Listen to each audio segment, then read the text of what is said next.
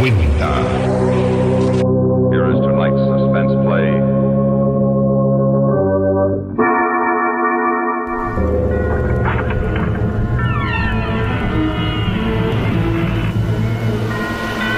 Roma Wine. Radio Teatro Nocturno.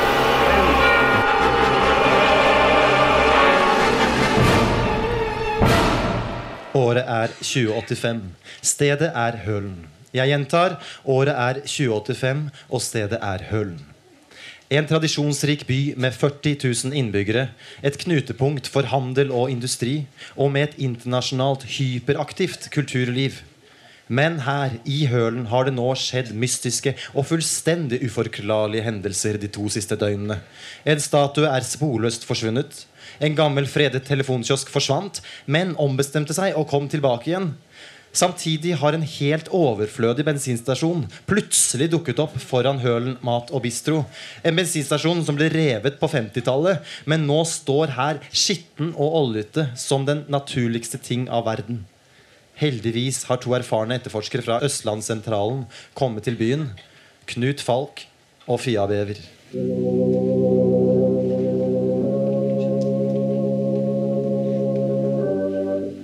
nå tror jeg snart vi har intervjua alle som befant seg på torget da denne jævla bensinstasjonen landa der. Men like kloke er vi, for ingen har sett noe spesielt i forkant. I hvert fall er det ingen som husker å ha sett noe. Det må jo være et system i denne galskapen. Klart det er. Men se hvem som kommer der. Er det ikke han med det rare bestefaren?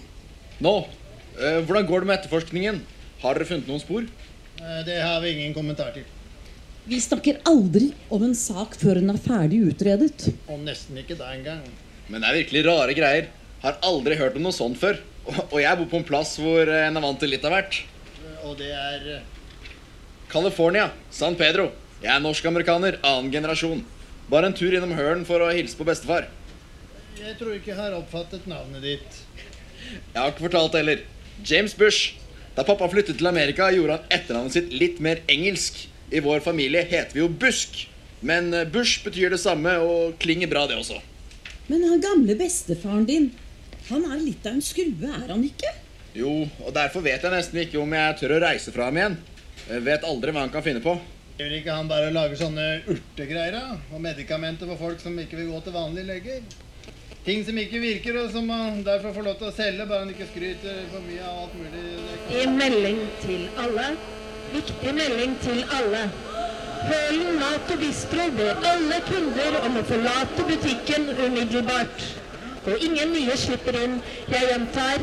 Hølen mat og bistro ber alle sine kunder om vennligst å forlate butikken umiddelbart. Det er ingen grunn til panikk. Ingen grunn til panikk. Men vi ønsker å tømme lokalene og stenge dørene om fem minutter. Viktig melding til alle. Viktig melding til alle. Kunder Løype, flytter! ikke steng veien for oss. Vi må snakke med en av butikken. Hei deg! Var du den Jannen som vi snakket med i går? Nei, men eh, jeg husker dere godt. Alle vi Janne har felles hukommelse. Er i ferd med å stenge dørene. Men vi er fra politiet. Hjelper ikke hvis bomba går av, så kan dere like mye gå i stykker som alle oss andre. Jeg mener, dere dør. Mens vi andre sikkert kan settes sammen igjen. Hva sa du? Er det en bombe i Hørn mat og bistro? Ja, Det vet ikke ikke ennå. Men vi, vi fikk iallfall melding om at det skulle være en. De andre Jannene er i ferd med å gjennomsøke butikken nå.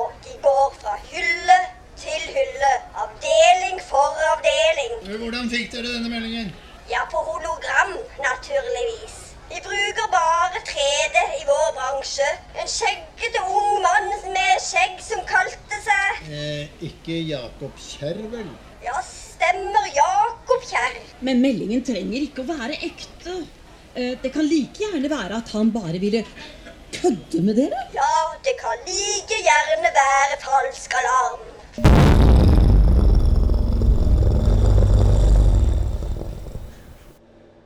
Men det var det altså ikke. Og det var litt av en bombe også. Ikke et spor igjen av butikken. Hele ølen og mat og bistro er borte. Og se på, se på hun der i Jannen som vi snakket med. Nå, nå blir hun borte, hun også. Sakte, sakte. Først forsvinner føttene hennes. Så beina. Nå forsvinner magen og brystet. Hele rommet har gått opp i hvit røyk. Nå er det bare hodet igjen. Se! Se! Hun forsøker å si noe. Sikkert hennes siste ord. Det må være noe veldig viktig. Hysj, hysj, hysj, la oss høre. Og i denne uka har vi tilbud på kunstig kjøttdeig fra Reitan og slappfisk fra Bodø.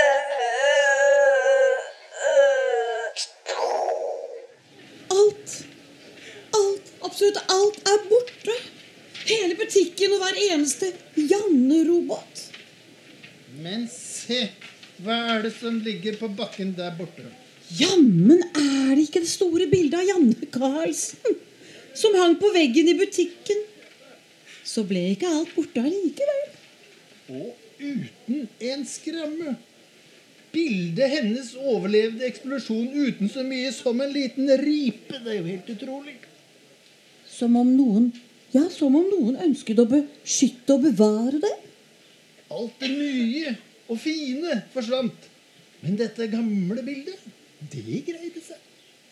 Og enda en gang var det den mystiske Jakob Kjær som meldte fra. Knut Falk og Fia Bever mener det er viktig å være føre var. Derfor oppsøker de rådhuset. Vestby rådhus, som ligger der den gamle Hølenskolen en gang lå. Rådhuset ble bygget i 2062, den gang politikerne innså at det beste ville være om rådhuset befant seg i kommunens geografiske sentrum. Administrasjonen ble derfor flyttet til Hølen, og det gamle rådhuset i Vestby ble omgjort til lekestue for bygdas barn. Ja, naturligvis har vi vakthold og alarm her. Både automatisk og manuell. Garder vaktselskap har hovedoppsynet. Og i dag har vi også forsterket vaktholdet med 20 kybernetiske hunder. Gi labb, Frisko. Voff. Frisko og de andre vakthundene er kyborger. De har menneskelige chipper i hjernen. Derfor kan de ikke bare varsle. De kan også fortelle oss hva de ser, og hvilke trusler de mener finnes. Fantastisk. En snakkende hund. Voff. Men ikke like fantastisk som at du kan snakke og tenke. Voff. Eh, der gikk han sin vei. Jeg tror du fornærmet han. Disse hundene våre er egentlig ganske lett å såre. Men vi kan i hvert fall være trygge på at ingenting skjer med rådhuset. Og det er det viktigste. Ja, rammes rådhuset av dette uforklarlige fenomenet som hjemsøker oss, så er det ganske mye som vil gå galt. Jeg har forresten tatt meg bryet med å kontakte en del kollegaer i andre kommuner. Det viser seg at vi er den eneste kommunen som er plaget. Og innenfor Vestby er det altså Hølen som er den eneste byen hvor disse uforklarlige hendelsene skjer. Men hvorfor oss? Hvorfor akkurat oss? Også denne natten må våre to etterforskere tilbringe på Tabernaklet. Det eksotiske brillehotellet hvor man fritt kan velge hvor i verden man vil innbille seg å sove. Både Knut Falk og Fia Bever har prøvd det meste. Nyhetens interesse er i ferd med å blekne. De to politifolkene er på vei til brillehotellet. I kveld er de ikke interessert i verken haremsdamer eller utsikt fra månen. I kveld ønsker de bare å få sove. Men skjebnen vil det annerledes. Like før de kommer til den gamle tennisbanen, ser de at Tapernaklet, det store, gylne teltet, forsvinner i en dampsky. Og i stedet gror det en stor, gammel villabygning rett opp av jorden. Det er Elverhøy! Jeg kjenner igjen fra gamle bilder. Det er faktisk Elverhøy.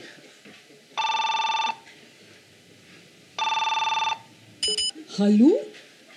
Fia Bever her. Hva er det du sier? Kan du gjenta det der? Og du store alpakka! Hva gjaldt det? Det gjaldt Hølen mat og bistro. Nå er butikken kommet tilbake. Er Hørn mat og bistro? Nei, den gamle butikken Skøyens efterfølger. Den gamle nærbutikken. Den gang den virkelige Janne Carlsen sto ved roret. Eh, Ja, nei, nå får vi ta en ting av gangen, som tanta mi alltid sa. Akkurat nå så har jeg mer enn nok med å fordøye synet av gamle Elverøy. Eh, Skal vi våge å gå inn? Se hva som er der inne? Og risikere at vi også forsvinner. Vi også. Ja, akkurat. Eh, Du først, eh, Knut. Du først.